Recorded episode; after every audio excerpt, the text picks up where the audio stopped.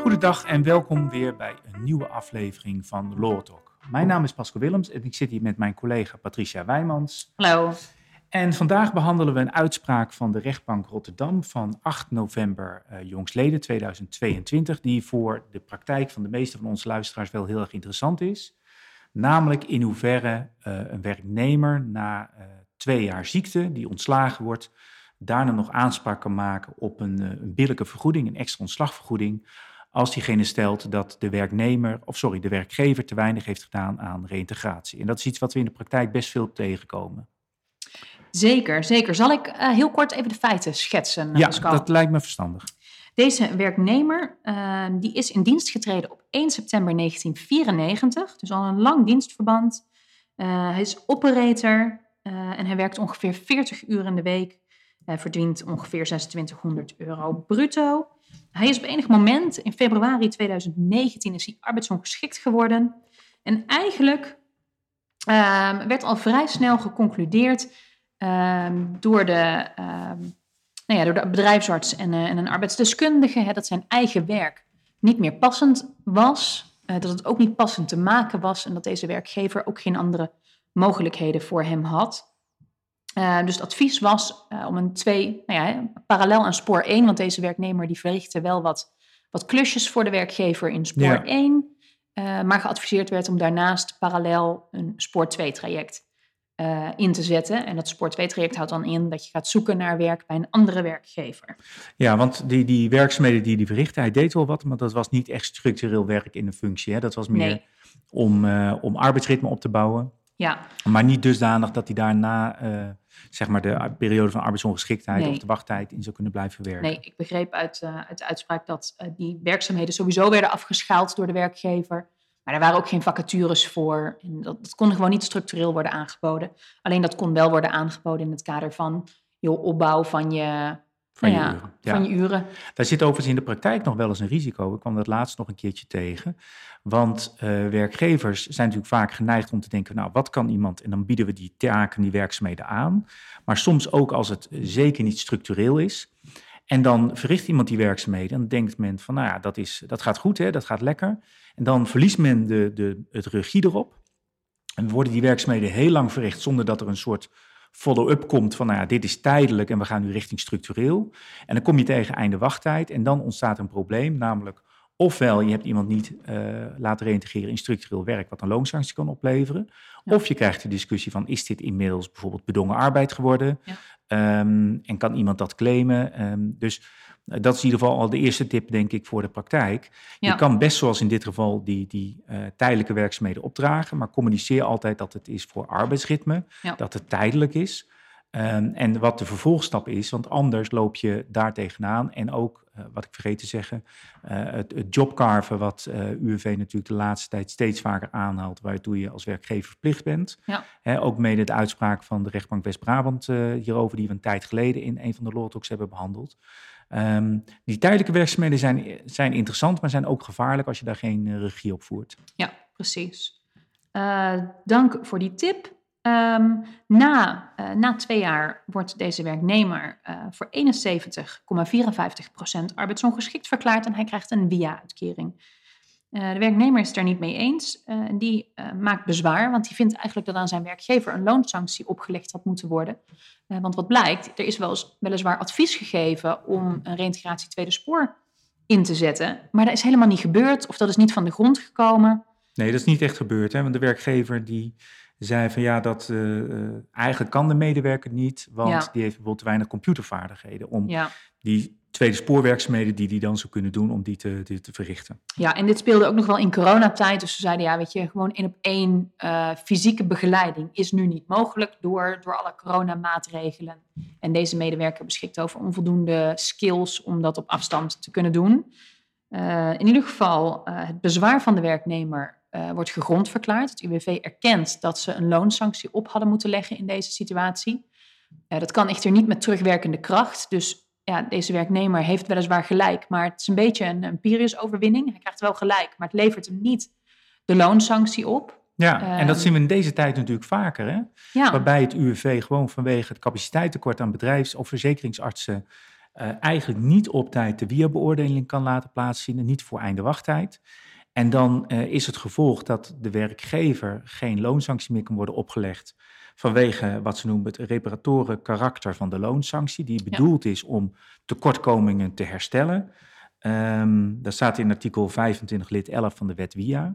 En als dus het UWV te laat is, eh, ook al zou de werkgever te weinig aan reïntegratie hebben gedaan, dan kan loon, de loonsanctie niet opgelegd worden. ja precies. En wij hebben, eh, samen hebben wij daar nu ook zo'n soort zaak lopen, waarbij ehm, het, het iets anders, waarbij het UWV van mening was dat aan de werkgever geen loonsanctie kon worden opgelegd, omdat het zou gaan om een, no-risk polis. Dus ze hebben de loonsanctie niet opgelegd. Achteraf komen ze erachter dat dat wel had gekund. Eh, maar ze dan inmiddels te laat zijn en dus de loonsanctie niet kan worden opgelegd. Met Ja. als gevolg natuurlijk dat die jaar loondoorbetaling die de medewerker eigenlijk zou hebben gehad, ja, dat diegene dan misloopt. ja, precies. En dat speelde in deze zaak ook. En eh, ja, dan kan je daar bezwaar tegen maken, dan kan je gelijk krijgen. Alleen het kan er niet toe leiden dat alsnog die loonsanctie wordt opgelegd. Nee, precies. Dus wat je dan als werknemer zou kunnen doen, is een zelfstandig schadebesluit indienen bij het UWV. Dus dan vraag je het UWV om jouw schade te compenseren, omdat jij doordat zij een onterechte beslissing hebben genomen, eh, gezorgd hebben voor schade aan jouw zijde. Ja, en wat ik merk is dat het UWV dan neigt om die schade eh, af te wijzen. Als er bijvoorbeeld nog wel eh reïntegratiemogelijkheden zijn. En dan zeggen ze bijvoorbeeld, ja, je had dus ook loon kunnen krijgen bij de werkgever, zoals in die zaak die wij hebben. Ja. Dus er is geen sprake van schade. En waar ze natuurlijk dan aan voorbij gaan, is dat, ehm, ja, dat is een soort fictieve situatie die je niet kan vergelijken met het standaard doorbetalen van, eh, van loon. Ja. En deze, eh, deze zaak waar we het nu over hebben, daar speelt eh, in ieder geval die schadeactie richting het UWV niet of nog Nee, niet. Hè? Dat wordt nee. wel genoemd. Ja, dat zou de werknemer kunnen doen, maar uit deze uitspraak blijkt niet of dat gedaan is eh, of wat daar de uitkomst van is. Ja. Want het, het gaat erom dat deze werknemer uiteindelijk zijn werkgever in rechten betrekt en vindt dat hij nog recht heeft op een billijke vergoeding. En waarbij een van zijn belangrijkste argumenten is, ja werkgever, je hebt niet voldaan aan jouw reïntegratieverplichting. En dat staat vast, want kijk maar, het UWV heeft geoordeeld dat ze eigenlijk een loonsanctie op hadden moeten leggen. Eh, en hij stelt nog wel, bijkomend stelt hij, ja, eh, ik ben uiteindelijk ook ziek geworden door het werk. Eh, want ik ben ziek geworden als gevolg van een demotie en pestgedrag op, de werkvloer. Ja, ook een heel actueel onderwerp natuurlijk. Waarbij in dit geval wel geldt dat de, de motie al twintig jaar daarvoor had plaatsgevonden. Eh, Ja. Dus ehm, ja, hij zegt van ik ben nooit daarin serieus eh, genomen. Maar het heeft wel tot allerlei fysieke klachten geleid en uitval eh, nou ja, tot in ne- eh, 2019. Ja, Ehm, en ja, daar, daar gaat uiteindelijk de rechtbank natuurlijk op in, de kantonrechter. En die zegt met zoveel woorden van ja, als dat inderdaad het geval is, dan had je iets meer moeten stellen dan alleen dat, die klachten. Maar, hè, want je had Ja. het causale verband moeten stellen ehm, en zo nodig bewijzen. Je moet dat ook duidelijk maken dat er sprake was van reële medische klachten. ja. En dat is allemaal niet, eh, niet gebleken. Dus Nee, en die werknemer had het ook over pestgedrag. Maar volgens mij kon hij dat ook niet echt benoemen in wat dan werd bedo- bedoeld. Alleen dat hij er last van had en dat Ja. hij zich niet serieus genomen voelde, kwam, kwam een beetje uit deze uitspraak. Maar ja, eh, werd niet. Ja, als je dan toch zoiets stelt, dan zul je dat wel wat, wat beter moeten onderbouwen. Eh, aan de hand van concrete mails of, of nou ja, situaties schetsen. Ja. Eh, Ja, precies. Er moet wel iets meer aan de hand zijn. Ehm, dit lijkt er als argument bijgehaald te zijn. Ik denk Ja. dat deze, deze persoon wel dat gevoel heeft gehad eh, dat hij al langere tijd gepest werd. Eh, maar om nou te zeggen dat de arbeidsongeschiktheid daarmee te maken had, dat blijkt in ieder geval niet uit het dossier of Nee. uit de stukken van de en, en bedrijfsarts. ook echt niet uit- inderdaad uit de, uit de reïntegratiestukken. Want daar heeft de werknemer volgens mij meerdere keren zelf gezegd dat hij de arbeidsrelatie bijvoorbeeld eh, als goed ervaarde. En dat de arbeidsongeschiktheid geen verband hield met het werk. ja. Dus daar was zat ook wel weer iets tegenstrijdigs in die eh, verklaring van die werknemer. ja, en dat zien we trouwens wel eens vaker. Want daar waar zeg maar in het verweer bijvoorbeeld tegen het ontslag de medewerker eh, op het spoor gaat zitten van nou, er is eigenlijk niks aan de hand en ik kan hier supergoed blijven. Ja, eh kantelt het dan in één keer in de andere kant tijdens zo'n schadeprocedure, waar Ja. in één keer van alles aan de hand is. En dat is, eh, nou, dat kan heel verklaarbaar zijn, maar maakt het juridisch natuurlijk ook wel lastig. Ook voor, voor de advocaat die dat heeft betoogd. ja, Want het kan natuurlijk niet zo zijn dat het aan de ene kant super de puper was. ja. En aan de andere kant dat het enorm erg was. ja ziekmakend was, waardoor, waardoor werkgever een billijke vergoeding moet betalen. Precies. Hij had nog een tweede eh, verwijt, hè, namelijk dat er in de procedure bij het UWV allerlei uh, ja, verkeerde uitspraken zouden zijn. Bijvoorbeeld dat er geen afdeling handinpak was waar die zou hebben gewerkt. Ja. Daar gaat de, de kantoorrechter eigenlijk vrij snel aan voorbij. Die zegt, ja, dat maakt eigenlijk niet zoveel uit, want in de procedure, en dan hebben we het over de procedure bij het UWV voor het ontslag, hè, na twee jaar ziekte. Uh, daar blijkt het midden dat ja, er geen passende functie was. Hè, de medewerker heeft dat ook Ja. erkend, of die afdeling nou wel of niet bestaat. Je bent erover eens dat binnen de organisatie geen andere passende functie beschikbaar Ja. is. Ja. Ehm, en dan het derde verwijt, en daar draait het eigenlijk om, is de schending van de reïntegratieverplichtingen. En met name of eh, nou, de betrokken medewerker eh, tweede spoor had kunnen, kunnen verrichten. Ja. En uit het advies van de bedrijfsarts en ook de arbeidsdeskundige blijkt dat dat ingezet had kunnen worden. Ja. En de argumenten die de, de werkgever had om dat niet in te zetten, onder andere het gebrek aan die eh, computerwerkzaamheden, daar gaat de kantoorrechter eh, niet in mee. Nee, precies. Die zeggen ook wel van ja, weet je, je hebt hem ook bij andere dingen wel eh, geholpen. Dus hier had je hem met een beetje bijstand wel doorheen kunnen helpen. Bovendien blijkt uit de stukken ook wel dat meneer wel met mail om kon gaan. Dus dat zijn skills in ieder geval wel op een dusdanig niveau waren dat hij, dat hij dit had kunnen doen. Ja, ook dat horen we wel eens van werkgevers die zeggen, ja, alles leuk en aardig, maar iemand beschikt niet over bepaalde eh, opleidingsvaardigheden, competenties of zo om dat te doen. Hè, om dat soort werkzaamheden op te pakken. Nou leert ervaring ook dat je daar niet te makkelijk vanuit mag gaan en wellicht met wat scholing en zo iemand daar wel eh, geschikt voor kan ja. maken. Ja, of een beetje begeleiding. Ja, en als het een combinatie is van niet kunnen, maar ook niet willen leren, want dat zien we natuurlijk ook wel, eh, wel voorbij komen, ook wel bij wat oudere medewerkers die Ja. zoiets hebben van ja, waar doe ik het allemaal voor? Dan is dat wel een kwestie van eh, ja, goed documenteren en eventueel ook een loonstop toepassen als werkgever om Ja. wat druk op de ketel te zetten. Want als een kantoorrechter dat wel gaat aannemen, ja, dan, als er nog meer feiten bij komen, dan, dan kan het wel zijn dat je dan wel in de problemen komt. Ja, Ehm, maar in dit geval eh, eh, ja, viel het voor de werkgever eh, de goede kant op. Want de kantoorrechter zei uiteindelijk van ja, ehm, ja dit is wel een schending van de, van de reintegratieplicht. ja. Dus dat is ook wel verwijtbaar. Maar om te kunnen spreken van een billijke vergoeding moet sprake van ernstig verwijt behandelen. Ja, en die drempel ligt gewoon net wat hoger. Daarvoor is gewoon alleen het schenden van je reïntegratieverplichtingen onvoldoende. Dan moet er eigenlijk sprake zijn van bijkomende omstandigheden. Ja, en die bijkomende omstandigheden, ehm, eh, die moeten wel eh, eh, zeer ernstig zijn, zou je kunnen zeggen. Dus het Ja. enkel schenden van reintegratieverplichting, daar zit eigenlijk de sanctie op van de loonsanctie. Ja, En ja, je zou kunnen zeggen, deze werkgever, die glipt eigenlijk overal tussendoor. ja. Want normaal gesproken had hij die loonsanctie opgelegd moeten Nou, krijgen. zeker, omdat het gewoon het simpelweg niet starten van een, reïntegratietraject tweede spoor, daar hoeft de verzekeringsarts niet eens naar te kijken. Dat had door de arbeidsdeskundige van het UWV al geconstateerd kunnen worden. En die had op die grond al een loonsanctie kunnen eh, opleggen. Ja, Dus dat had in deze situatie best gekund. Alleen daar heeft die werkgever geluk gehad dat het UWV of niet op tijd is geweest of niet op tijd heeft gezien. ja,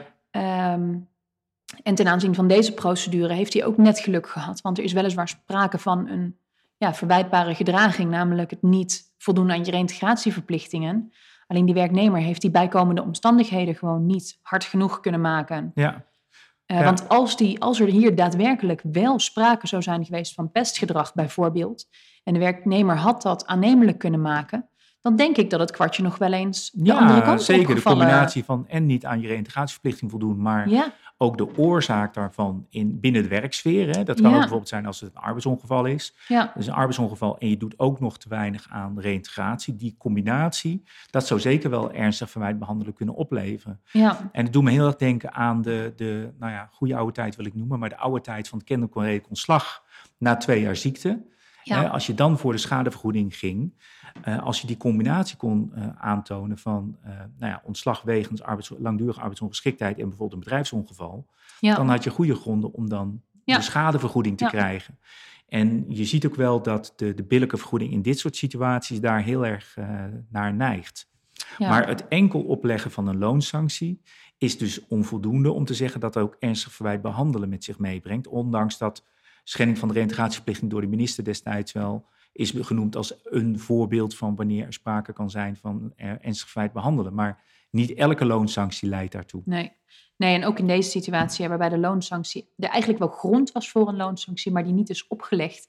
Ja, dan moet het UWV of dan moet de werknemer voor zijn schade eigenlijk zijn pijlen richten op het UWV eh, en niet op de werkgever in dit geval. Ja. Tenzij er dus echt nog bijkomende omstandigheden zijn die, die het gedrag van de werkgever echt ernstig verwijtbaar uh, maken. Ja, wat ik wel interessant vond en ergens ook wel bijzonder, is de overweging van de kantonrechter. Ik denk dat jij die ook hebt uh, gelezen, Patrice.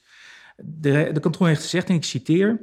Uit artikel 7.658 ABW volgt immers dat zij, dus dat ze werkgever als werkgever, gedurende de gehele duur van de dienstverband, hier dus tot 1 juli 2022, verantwoordelijk is voor de reïntegratie van de zieke werknemer. Nou, tot dat toe kan ik het nog begrijpen. Ja. Dat behelst derhalve het blijven onderzoeken van mogelijkheden tot herplaatsing van verzoeken binnen de eigen onderneming, eerste spoor, dan wel daarbuiten tweede spoor. Ja, die is niet helemaal terecht, hè? Nou, helemaal niet, denk ik.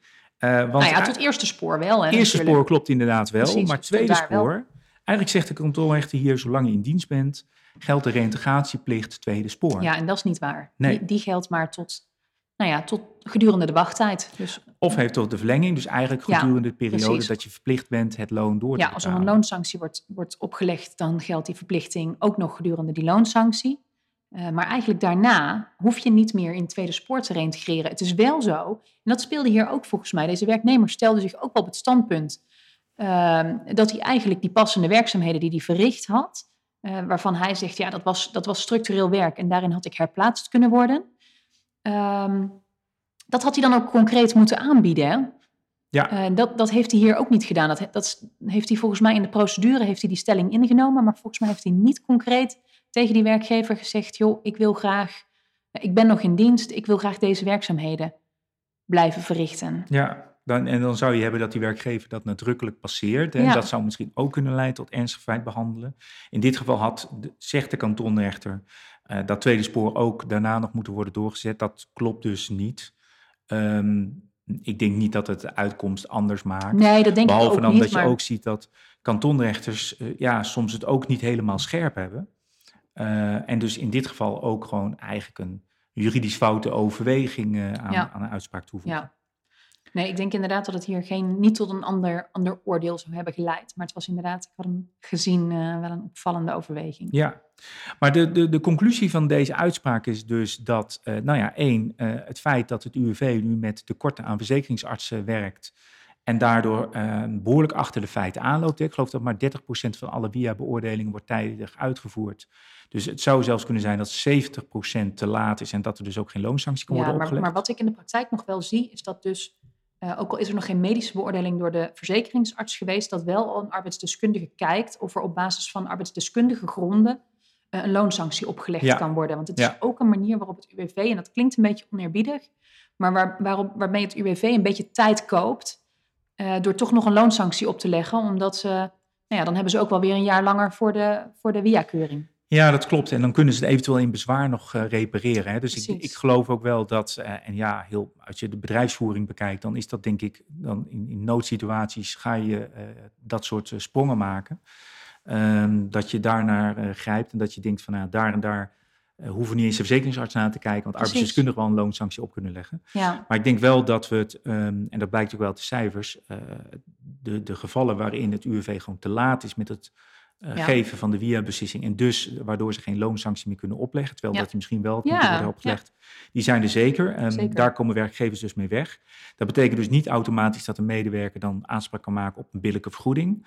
Er moet meer bij komen. Wel eh, mogelijk eh, sprake van een schadevergoeding bij het UWV, maar dan moet je dus een apart schadeverzoek toedoen. ja, En als het UWV dat afwijst, moet je meteen naar de rechtbank. Daar is geen bezwaar voor mogelijk. Maar meteen bij de rechtbank dat indienen. En nou ja, mocht iemand daar hulp bij nodig hebben, dan eh, helpen wij ze natuurlijk graag. zeker. Ehm, nou, interessante uitspraak voor, eh, voor de praktijk, die wij graag met jullie, eh, of voor jullie besproken hebben. Ehm, ik wil jullie weer bedanken voor het luisteren en graag tot de volgende keer. Tot de volgende keer.